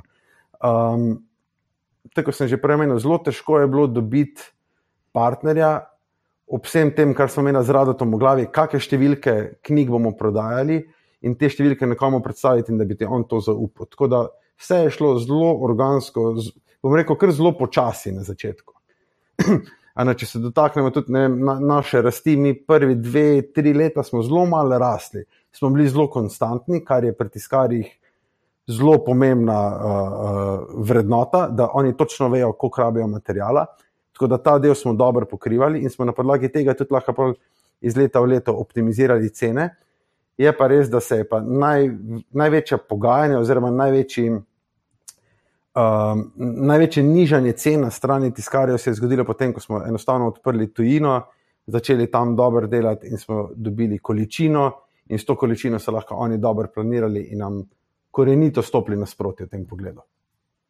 Da nam malo uriši, kakšne so bile številke prodaje knjig v Sloveniji In koliko je zdaj, ko ste šli v tujino? Ja, mi smo začeli konec leta 2014 um, in smo prodajali, prodajali recimo, vem, 5-10 knjig na dan, če je bilo 20, je bilo že kar ok. Um, naj ob tem povem, da mi da smo po, po prvi uspešni sezoni v Sloveniji bila uh, zelo prepričana, da imamo model, ki bo pil vodo tudi v sosednji Hrvaški in v Avstriji, in smo na vrat na nos odprla ta dva trga. In potem na vrat na nos tudi ta dva trga zaprla, ker smo se zelo opekla in naredila ogromno stvari na robe. Um, tako da, kljub temu, da je prodaja rahlo zrasla, v drugem letu našega obstoja smo še vedno ostali tu nekje 10, 20, mogoče v sezoni, torej oktober, november, december, 30, 40 na dan. Um, in zdaj, če prevrtim zelo hiter čas naprej, ampak se je ogromno stvari zgodilo v tem času umestnem, um, jih zdaj redko prodamo pod 1000 na dan, um, jih pa prodamo tudi 3000. V letošnji sezoni računamo tudi na 10.000 na dan. V katerih trgih ste vse odprti? Mm, Slovenija, Italija, Avstrija, Nemčija, Francija, Združene države. Mhm. Za ta proces sem slišal, da imate full urejen, kako vstopati na nove trge. In verjetno del te urejenosti tudi izvira iz tega, da sta imela ta uh, težavo na začetku. Uh, da opiši, kaj je šlo na robe, ko sta stopila na prva dva tuja trga. Um, z eno besedo bi lahko rekel vse. Uh, malo bolj natančno pa to pomeni, da A, nismo imeli ustreznih produktov, to pomeni, niso bili teksti pravilni, niso bile ilustracije pravilne. Um, nismo imeli nakupnega procesa uh, prilagojenega uporabniku, pa to, to ni bila specifika tistega trga, ampak tudi v Sloveniji nismo imeli, ampak v Sloveniji vsem, ker smo tudi doma, ker poznamo, ker nas poznajo, je bil začetek malo lažji pa tudi pričakovanja so bila nižja, eh, v Avstriji in Hrvaškem smo tako imeli više pričakovanja. Ponudili smo napačne plačilne metode, eh, ponudili smo slabše pogoje za dostavo. Um, ponudili smo, um, nismo bili prisotni na, na, na prav način, na pravih medijih. Um, in zdaj, verjetno me boš vprašal, kje je bil on preboj, kdaj se je zgodil. Uh, ti lahko povem, da smo, uh, mi smo se upisali, upisali da smo sprejeli en pospeševalnik v Bolgariji, kjer smo dobili takrat 50 tisoč evrov. Mhm. In on ključni, um, ključni moment, ko smo ga razumeli, je, da morava, morava, začet, morava se začeti intenzivno ukvarjati s financami. In v enem trenutku smo naredili zelo detaljno analizo uh, stroškov posameznega produkta, zelo so začela beležiti stroške marketinga in iskala sva skozi limito, do kodr še lahko vlagamo. Um, tega nismo naredili takrat v Avstriji, pa nismo naredili na Hrvaškem, ker smo, bom rekel, zelo na blef uh, oglaševala in potem zelo paušalno gledala rezultate. Nismo iskala nekih sporednic med tem, za razliko od zdaj, ko beležimo vsak dan, vsak kanal, vsak trg, vsako knjigo, večkrat na dan, uh, do centa natančno, da zjutraj, opoldan, popoldne, pa še kdaj zvečer točno vemo, kje smo, kaj nam dobro dela, kaj nam ne dela, kam lahko vložimo več, kam moramo vložiti manj. Tako da to so bile ključne napake. Pač slab produkt, ne, neprijetno uh, naročilo za uporabnika, pa nepravilno, rečemo temu, kar oglaševanje. Da je peli nas skozi ta proces, mislim, zveni zelo zanimivo. Ne? Ampak zdaj, če želi to kdo uporabiti na svojem projektu, smo še na dva nivoja, mogoče previsoko. Ne? Torej, če jaz želim nekaj podobnega, torej voditi finance in točno vedeti, koliko docenta porabim ja. za kakšno, kateri moj produkt, ne, kaj točno moram vse voditi. Pa mogoče najlažje, če nam že, uh, seveda, če si pripravljen, da deliš mogoče zelo konkreten primer za eno knjigo, ne, kaj vse delate, kaj vse merite, um, okay. do katere meje greste, do katere ne greste in tako naprej. Okay. Um, osnova, osnova te naše kalkulacije dnevne je nekaj, čemu mi pravimo breakdown. Bom to zdaj večkrat omenil. V glavnem, v breakdownu imamo zapisane vse stroške, uh, ki nastanejo, da mi knjigo naredimo. Da naredimo datoteko, to pomeni delo na računalniku, da mi knjigo pošljemo v tiskarno, oziroma da to teko pošljemo v tiskarno, da je tiskarna tisne, da tiskar spakira in da je logistična služba prinese do uporabnika na dom. V ta del so, v to kalkulacijo so vključeni še bančni stroški. Skratka, vsi stroški, ki nastanejo do tega, da uporabnik knjige dobi na dom. Sorry, kaj, misliš, sorry, sorry, kaj misliš pod bančne stroške? Provizije PayPala. Aha, ok, ok, cool. In to, kar nam ostane, bo zdaj, če za voljo tega, te razlage, rečemo temu dobiček. In recimo, da mi knjigo, da imamo tržno ceno 35 evrov in da je dobička na koncu 15 evrov. Uh -huh. okay? Mi teh 15 evrov je osnova celega našega marketinga. Zdaj razlikuje se po knjigah, ampak recimo o eni knjigi 15 evrov.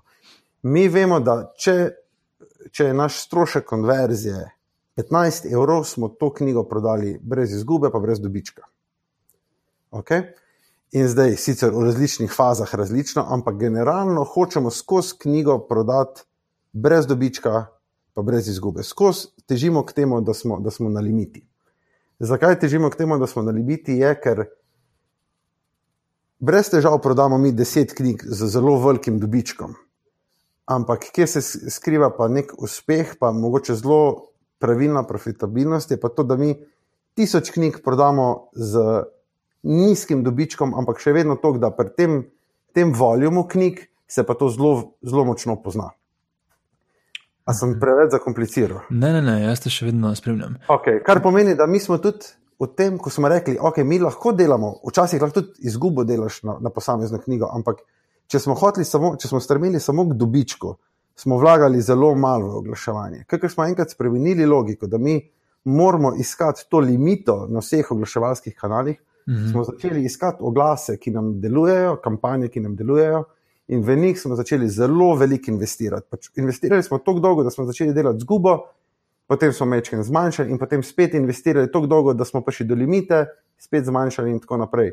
In zato smo šli iz zelo nizkih oglaševalskih budžetov, lahko na zelo visoke, in s tem posledično tudi na večje količine knjig prodanih na dan, sicer manjše dobičke, ampak ko to, ko to pomnožiš številom knjig, dobiš veliko velik boljši izplen. Kako pa za svoj produkt najdeš, kaj je ta pametna limita?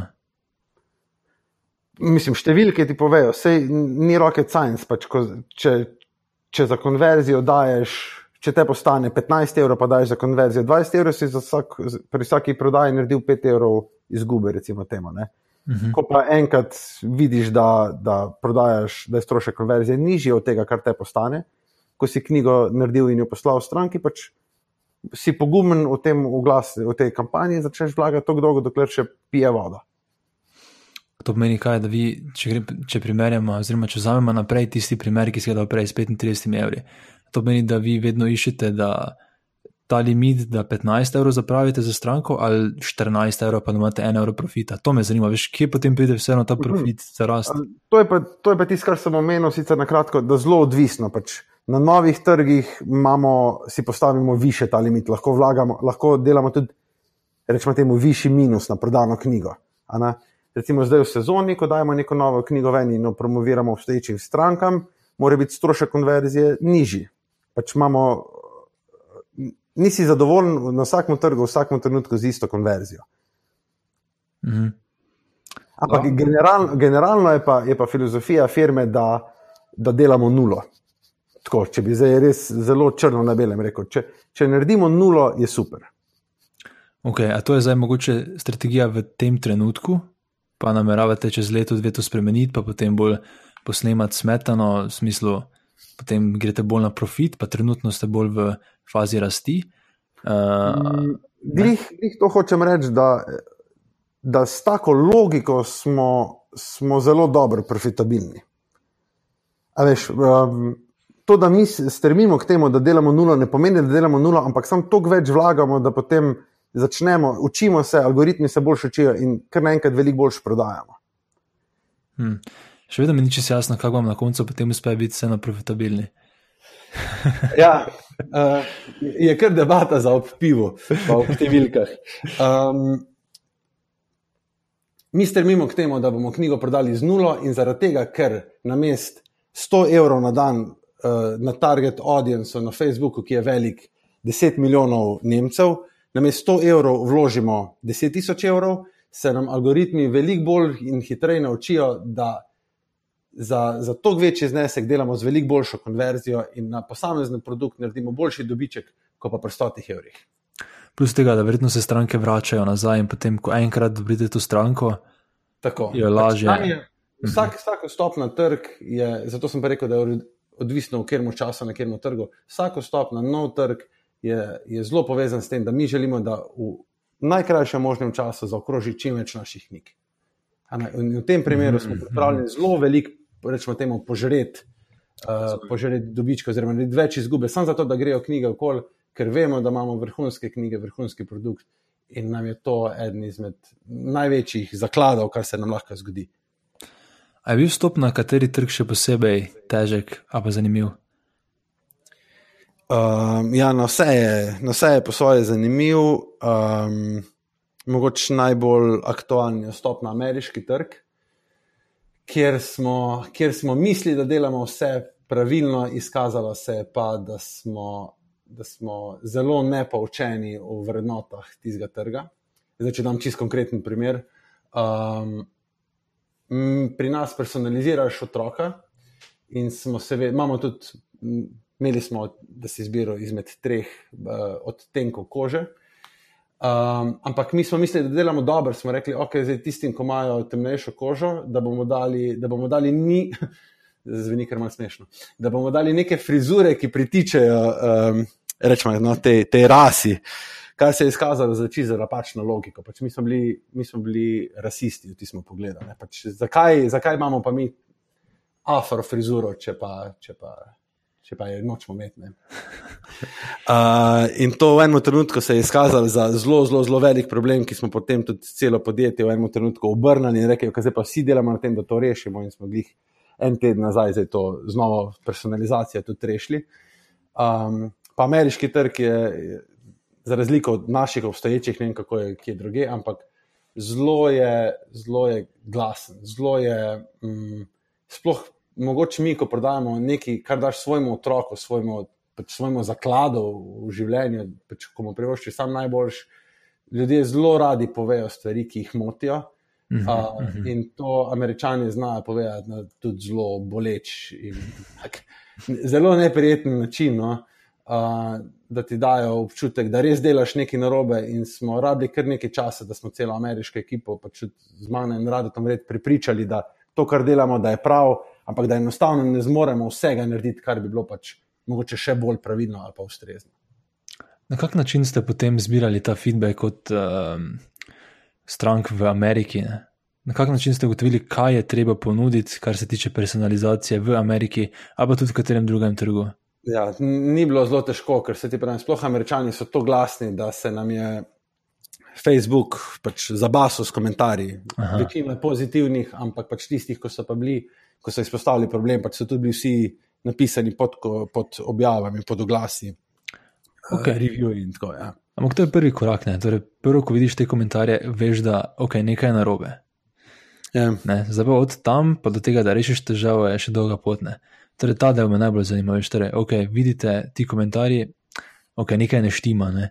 Kako ste se ja. potem lotili ugotoviti, kaj je potrebno ponuditi, da bo štimalo? Sploh ni, bilo, sploh ni bilo, da bi oni bili nezadovoljni na splošno s produktom, ampak recimo napisali so, mm, manjka vam odtenek kože med, med temno in med svetlo. Uh Mhm. -huh. pač tu, tu ni kaj za razmišljati, pač veš, kako barvo moraš dati noter. Ampak, ali pa ne vem, moji, ko veliko napišem, moje, moji otroci imajo pa skrožla, dolge skrožlane lase, zdaj si izmišljujem, pač da daš tako opcijo personalizacije. Ali pa um, nam je zelo naravno bilo, da smo imeli v eni knjigi čist ne, ne hudega, noter umeščeno eno, eno slikco, kjer, kjer sta bila malčka ob uh, božični jelki. To ni bila božična knjiga, ampak nam se je zdelo pač zelo cute za, za, za to knjigo, da to umestimo. In na ameriškem trgu je bilo tako, pač mi ne praznujemo božiča. Pač kupili smo to knjigo, nismo vedeli, da je noter en delček, en diapozitiv, oziroma en polaroid prilepljen na hladilnik, da prikazuje, kako naša dva praznujeta božič. Hočemo vrniti knjigo. Ne, to so zelo, zelo, zelo neki konkretni predlogi, in mi smo toliko tega dobili, predvsem v obliki predlogov, ne tako v obliki nekih uh, uh, vrčitev produkta, da smo zelo jasno vedeli, kaj moramo narediti. Ampak kako se v tem, tej poplavi teh uh, predlogov, oziroma tudi komentarjev strank odločiš, kaj je treba vključiti, pa kaj ne? Ker se mi zdi, da po eni strani pri določenih produktih, in nisem pripričan, če tudi pri vas ne, je pametno nekatere komentarje tudi spregledati. Veš, kako ste vi odločili, kaj je smiselno in kaj ne? Ja, um, ni, ni enostavno zbrati teh komentarjev, jih pa vedno preslikaš na sebe kot uporabnika. Pač neki, veš, ko smo mi dali za, za, za temno polte samo omejen izbor frizur, ki smo mislili, da njim pritičajo, pa potem ti to na hitro zelo veliko eh, ljudi povedali, to si se pa zelo zmotil, pa delaš na robe tebi potem postane jasno, da res nisi del, del tega prav. Tu ne govorimo o tem, da bi, da bi se ljudje pritoževali, da imamo slab papir, recimo v knjigah. Pač to vemo, da, da imamo najboljšega, kar, kar, kar mhm, mhm. imamo. Ampak enostavno gre za neke vsebinske stvari, ko jih nov trg, ki ga absolutno mi ne poznamo. Pač noben od nas ni živel v Ameriki, nismo tako seznanjeni z njihovo kulturo, sploh pa ne v zadnjih parih let, ko je se mi zdi kar intenzivno to um, biti glasen glede, glede ja. nekih perečih problemov. Pač nismo vedeli, kaj, bo, kaj, kaj moramo narediti. In to so bile zelo, zelo enostavni predlogi, ki smo vedeli, da pač to moramo narediti. In smo na srečo v taki panogi in imamo tak produkt, da ga lahko čez noč eh, nadgradimo.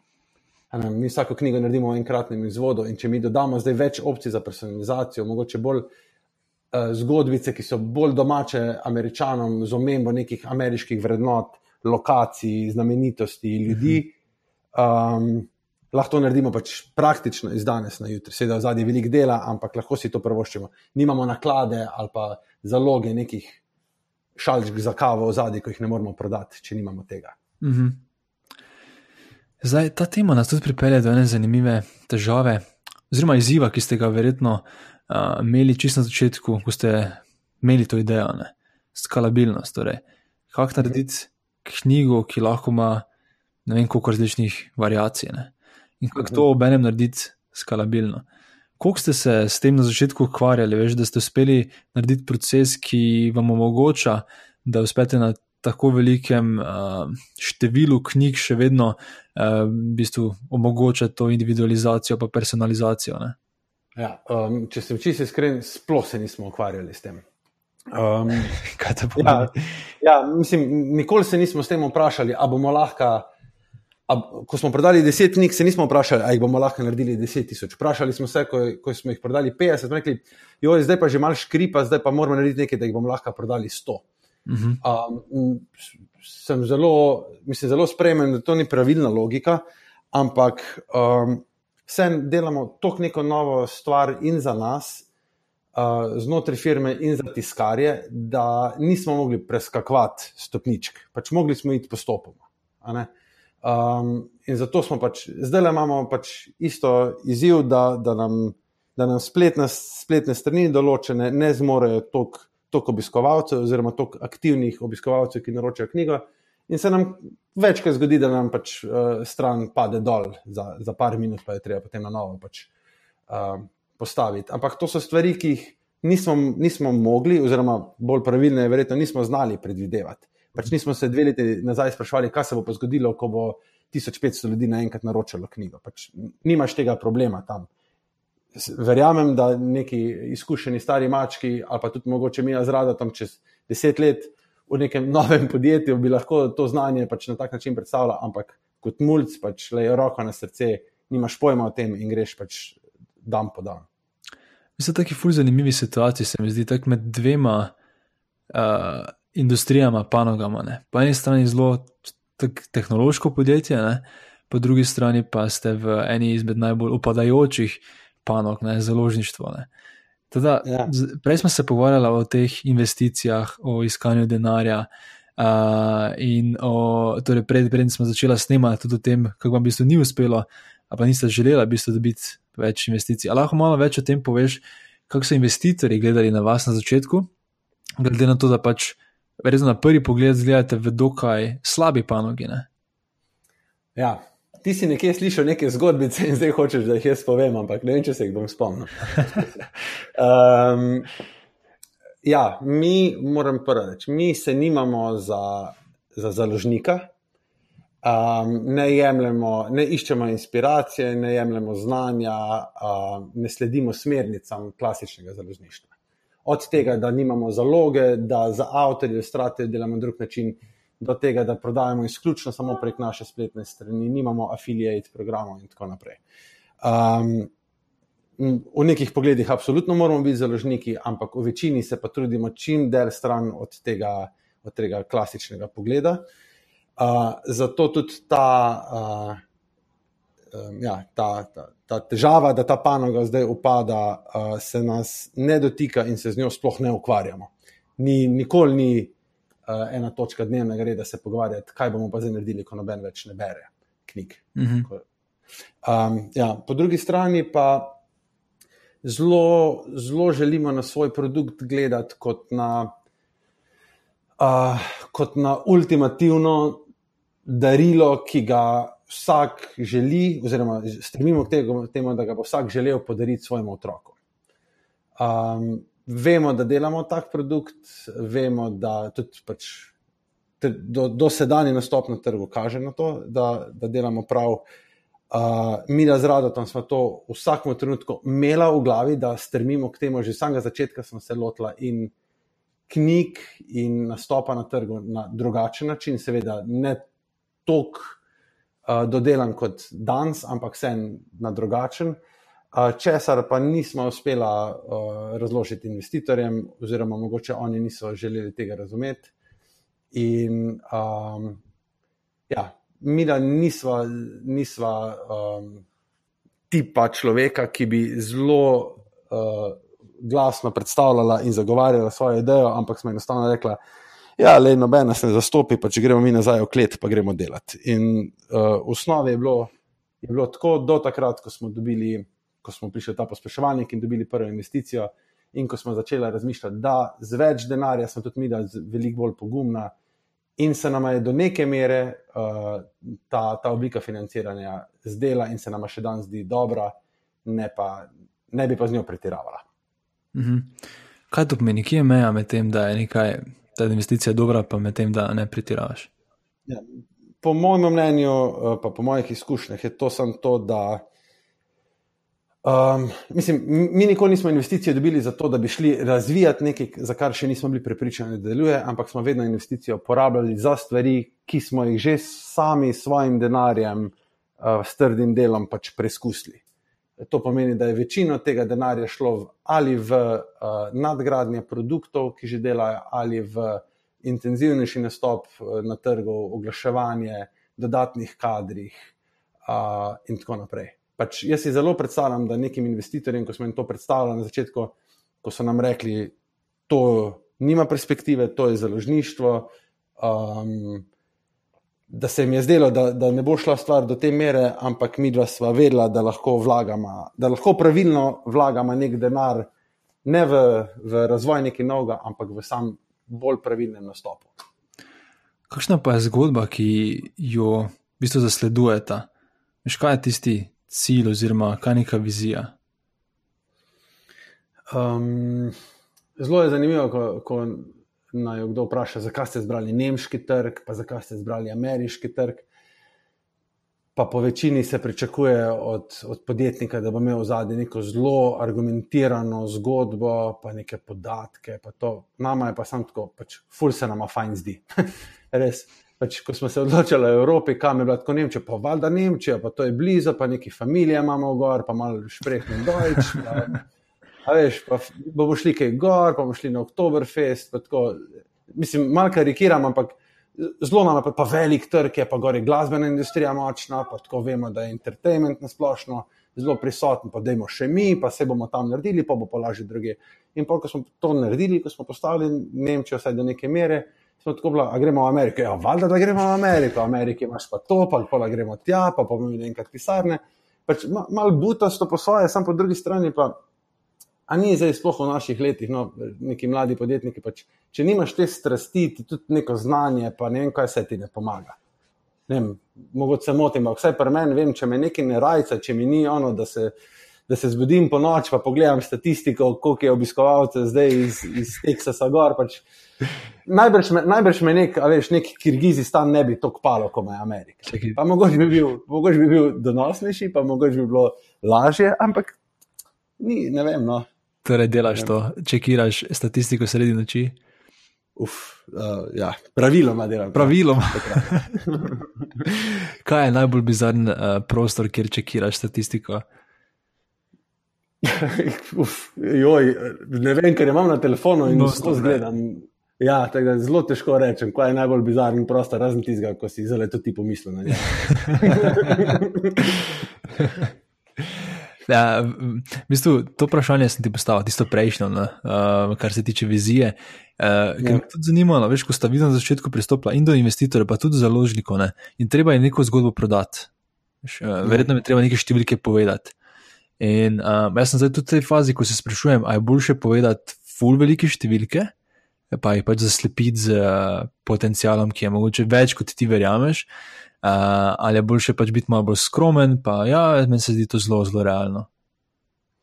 Um, čist malo te bom mogel popraviti. Mi dva sva samo eh, takrat, ko smo šla v ta pospeševalnik, sva mi dva naredila prvi korak k investiciji, uh, potem pa nikoli več. Uh, tudi potem, ko smo dobili novo investicijo, je v bistvu investitor nas našel in sam izkazal zanimanje za to, in potem smo pač super človek, super the best, in smo se zmenili, in zdaj zelo dobro delamo skupaj. In tudi zdaj, ko se naprej pač, uh, investitorji zanimajo za nas, smo mi, mi nikoli ne delamo z mislijo na to, da bomo dobili investicijo, ampak delamo uh, po naši poti naprej. Kar pomeni, da njim vedno predstavljamo uh, projekcije, s katerimi tudi mi znotraj firme upravljamo pač projekcija, ki smo investitorju, zdaj eno potencijalno predstavili za 2019, je točno taka, kjer je mi strmimo s temi sredstvi, ki jih imamo zdaj. Mhm. Ne s tem, kar, on, kar bi se potencijalno zgodilo, če bi on dal sredstva noter. To, ve, to pogosto hočejo investitorji, da rečejo, kaj se bo zgodilo, kar seveda brez težav damo to oceno, ampak in mi in oni vemo, da je to, da je to mal pesek v oči. Pač, la gre v to smer, la gre v ono smer. Edino, kar vemo z visoko uh, gotovostjo, je, kar smo mi sposobni z trenutnimi kadri, s trenutnim budžetom, s trenutnim kajšlom, s trenutnimi produkti, trgi narediti v naslednjem letu, a pa potencialno vemo še tudi za leto 2020. Uh -huh. uh, te pa da te še tako vprašam, kaj ste pa potem tistim tiskarjem, če sem na začetku v Sloveniji uh, predstavljala vizijo globalno ali samo slovensko? Slovensko. Slovensko, ok. A, ja mi nismo znali, mislim, niti približno nismo znali, hoteli ali pa uh, si delali utvar, da vemo, kaj se bo zgodilo na okay. svetovnem trgu. Pa zdaj s temi diskari še danes sodelujete? Ja, zelo dobro. Aha, in v bistvu potem iz Slovenije pošiljate vse te knjige. Ne, slovensko tiskarno imamo za Italijo, pa Slovenijo, ker je v Novi Gorici. Potem imamo eno tiskarno v Nemčiji, ki skrbi za Nemčijo, Avstrijo, Francijo, pa tri tiskarne v Ameriki, eno v Salt Lakeu, eno v Houstonu, pa eno v Bostonu. Kul. Cool. Veš, kaj me zdaj zanima? Imam še eno drugo temo, ki bi jo rad načel, preden končamo. In sicer okay. kot strokovnjaka za potovanje in delo, verjetno uh, v tujini. Um, ena okay. tema, ki je zelo uh, meni osebno blizu, je tudi remote delo, ne? torej delo od doma, oziroma delo iz tujine, kakorkoli. Ne? In um, začel se bično te vprašati, jaz, na primer, februarja razmišljam o tem, da bi en mesec uh, šel nekam v tujino, um, bolj tople kraje, kraje in delal od tam. In, tam bi pa šel? Um, razmišljam še, ne vem, mogoče Južna Afrika okay. ali pa um, okay. tudi kakšna bolj Južna Evropa, vem, Tenerife in podobno. Um, okay. Ampak ena zadeva, s katero se sprašujem in predvidevam, da nisem edini, je to, veš kako najti balans med tem, da ne grem nekam samo delati, pa da ne bom samo potoval. Ker se mi zdi, da je enostavno iti nekam, pa več biti sedem dni na off, pa ja. druge skrajne se pa iti nekam za en mesec, pa samo delati. Veš, kako si, si ti, oziroma kako si videl, ko sta potovala ta balans ja. naredila. Mi, da še zdaj, tudi ko so mali enaki, že rečemo temu, neko srednje podjetje, še vedno greva potovati večkrat na leto, tudi za več časa in vedno delava. Um, za razliko od tistega prvega potovanja, ko smo bila zelo svobodna in ni se bilo potrebno vsak dan, pa tudi ne vsak teden priklopiti na internet, če se nisi želel. No. Um, sva zdaj si zdaj potovanje splanirala na tak način, da si poštivamo obdobje tam, kjer živimo, uh, in hkrati narediva plan raziskovanja pač tiste države, kamor gremo. Recimo, v konkretnem primeru, zdaj, ko smo na zadnje na Balju, a pa recimo, ko smo bili v Omanu, uh, začetek leta. Uh, sva imela tako, da sva sicer kampirala, imela sva svoje avto, ampak smo vedela, da v teh pa teh dnevih se bova ustavila v mestih, kjer bo internet in takrat bomo pač cel dan brez občutka, da karkoli zamujamo, pa brez sršeno uriti, pač se sedla dol in pač zelo velik takrat naredila. Uh, niti približno ni to optimalna varianta. E, mislim, pravilna, popolna varianta je pa definitivno nek optimum, ki ga lahko dosežeš, če hočeš uh, biti vsaj malo popotnika. Ker tisto, da smo, da smo mogoče dopoledne delala, pa popoldne šla na raziskovanje, je ok ne bo ti pa to zagotovilo tega, da bi, da bi se vsaj malo počutil popotnika, ker se popotnika počutiš takrat, ko imaš drisko, ko si izgubljen, pa ko si lačen. Ja, tako je. In tega ne boš doživel, če boš vedno vedel, da priješ vsak dan nazaj na svoj, svojo uh, bajtico ali karkoli, pa na svoj WC. Pač moraš, moraš dobiti malo klofute in nama, naj to še vedno fulerajca in zato si pač najna potovanja si tako splanirana, da ene dni delava, ene dni pač raziskujeva. Ne vem pa, ali bo to pri tebi šlo skozi ali ne bo. Ne, se zdaj me zanima tudi dva primera. Kaj vidiš, da si ponovadi vzameta uh, vem, en prostor, pa potem iz njega delata izlete, ali si že vnaprej splanirata, ok, najprej bomo pet, pet dni tukaj, potem gremo deset dni tja. Uh. Zdaj več ali manj, mislim, zadnja dva potovanja, ki smo imeli, je bilo eno tako, da smo se vsak dan premikali, ampak smo imeli svoje avto in smo bila mobilna, pač zelo smo bila fleksibilna, kam greva. Um, ko smo šli pa zdaj poleti na Bali, smo pa dejansko to naredili, da smo imeli svojo, svoj štab, svojo bajtico in smo od tam delali potem popodanske ali pa večdnevne izlete. Tako da ne bi rekel, da je to, da je nekaj prav, pa nekaj narobe. Um, ja, je pa res, da, da, da sva zdaj primorana vse izbirati destinacije, ko, ko vsaj do neke mere ponujejo obdobje, v katerem lahko delaš. Ker jaz se spomnim, ko smo mi potovali na prvo potovanje. Jo, jaz sem delal iz takih, takih vukojebin, da to je noro. Mislim, pa v nekem Mjanmaru sem, Mjanmar je imel še takrat zelo kontroliran uh, dotok interneta uh mhm. -huh. v posamezna mesta in čez dan je bilo to zapolnjeno in sem ostajal ob ne vem, 3-4 po noči, da sem dobil tistih 5 kB na sekundo prenosa. Uh, A pa tako, ne vem, v nekih hotelih, v, kle, v kleteh, noter sem se preklapljal na, na internet, da noben ni vedel, ko so imeli tam pač dostop, take stvari. Um, zdaj si najbrž tega, vsaj v taki meri, ne bi mogel privoščiti, oziroma um, bi se lahko zelo omejenem obsegu. No. Par dni bi še šlo, pa tudi meni ne bi dalo več miru. Ja, vse to meni tudi. Uh, to je ena stvar, ki si želim zagotoviti, da imam nek pač prostor, ki lahko komod delam, ko, ko, ko želim. Ne. Ja, zelo veliko časa nam je šlo za, za iskanje. Eh, če se nismo prej splanirali, zelo veliko časa gre za iskanje primernega ja, prostora za delo. Ja. A še smisel, vedno moraš iti v nek kafič, vedno moraš, a pa moraš iti v to mesto, a pa moraš si kupiti tak internet tam. Pač preveč časa porabiš samo za pripravo, ne pa za delo. In zato rečemo, ok, najamemo si to, ta, to stanovanje, ima dober internet na tajskem, neko hribih, whatever, in pa da tam delava, pač se igramo po potnikih sta ugotovila, mogoče, koliko je tak nek dolžina, ki vam najbolj ustreza. Ne? Če greste nekam za en teden, se sploh uspeta aklimatizirati in delati, ali je tisti en teden bolj ali manj potem samo potovanje. Uh, Imate nek več dolžino, ja. ko najbolj pametna, kar se tiče tega, če že misliš delati od nekod. Ja, jaz mislim, da najbolj pameten dolžina je tam eno leto, pa pol. Zabavam se. Um, ne, nimam, nimam odgovora na to vprašanje, ampak definitivno v tej smeri, ko si ti tudi zastavil, pač krajš je, bolj gledaš na to, kot, ja. da, da nisi šel sploh iz gnezda ven iz pisarne, ampak si sam pač mal pogledal na okol. Um, mi gremo zdaj, vedno delamo, recimo eno mesec, oman en mesec, bali en mesec, zelo februarja, ko bomo šla nekam, bo šlo, bomo šla za en mesec. Ker se nam zdi pravilno, pa tudi, ne vem, če zelo, zelo velik, velik prepad je med enim mesecem in enim letom. Pač vmes je vse glih nekje vmes, nisi na daljšem potovanju, pa nisi na krajšem oddihu. Ja, ja. pač, če bomo kdaj šla za res, bomo šla spet za zelo za res, ampak neka taka pravilna za najo je pa en mesec. In kako vam uspe voditi podjetje, zelo hitro raztoče podjetje? z 70 zaposlenimi, ne? in ob tem Ja. imati enomesečna potovanja po celem svetu. Gledal sem vajen seznam za letos, mislim, Oman, Indija, Islandija, Iran, Južna, Srednja Amerika, Mauricius, Bali, Bog ve. Bog ve, kaj se bo tega vse izpolnilo. Ampak razumem vprašanje. Mislim, Ja, moram že vedeti, da, da uh, najne vloge, ki smo si jih razdelili, rado, pa jaz, um, so zelo različne v podjetju. On je, uh, zdaj bom zelo črno na belem, on je zelo. Zelo ima čez finance, zelo ima čez poslovne partnerje, zelo ima čez neke stvari, ki so, uh, ki so temelj. Jaz na drugi strani se ukvarjam pa s kreativo, pa z marketingom. Kar pomeni, da že ta moja branža mečken uspodbuja uh, delo na, vsaj dan danes delo nadaljavo. Uh, in nikoli, ko greva potovati, to ne pomeni, da dam vse štiri od sebe, ampak praviloma, mislim, jaz rada, da imamo intern, interno šalo, da vedno, ko jaz z letalom pristanem, mene rado vpraša, hej, a še delamo knjige in pa res. Ja, ok, nisem si še več bolj gospod, še vedno delamo knjige.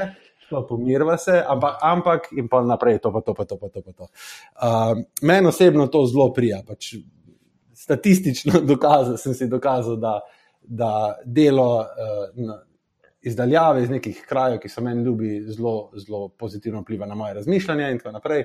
Plus, kar mi je zelo dobro, je ta časovna razlika.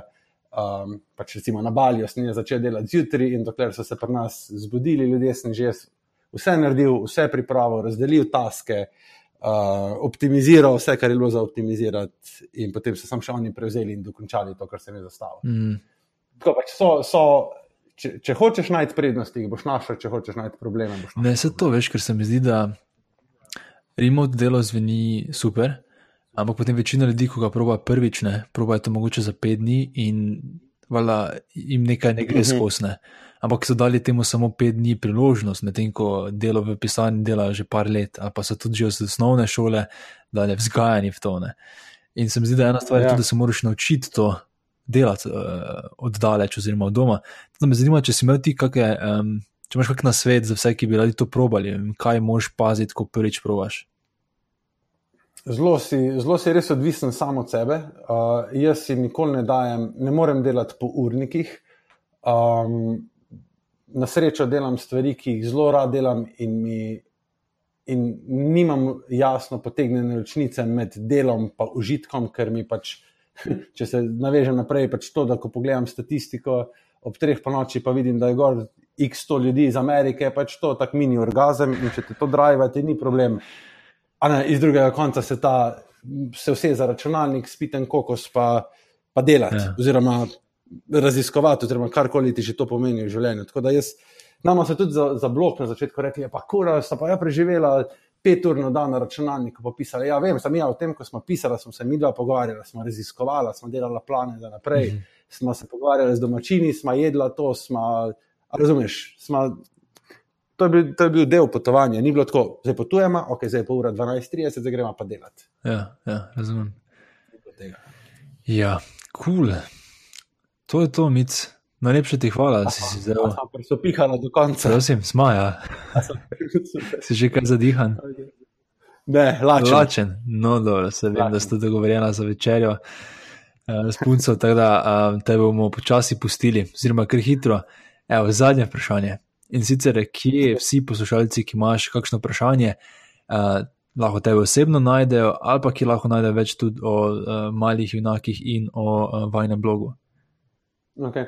Uh, Najn blok je posodje lepo.com, uh, tudi gor je en moj kontakt, mic.afna posodje lepo.com. Kar se pa malih enako tiče, smo pa v Sloveniji uh, pod imenom mali enaki, mali enaki.si, uh, kjer imamo tudi kontakte in od mene in praktično vseh zaposlenih.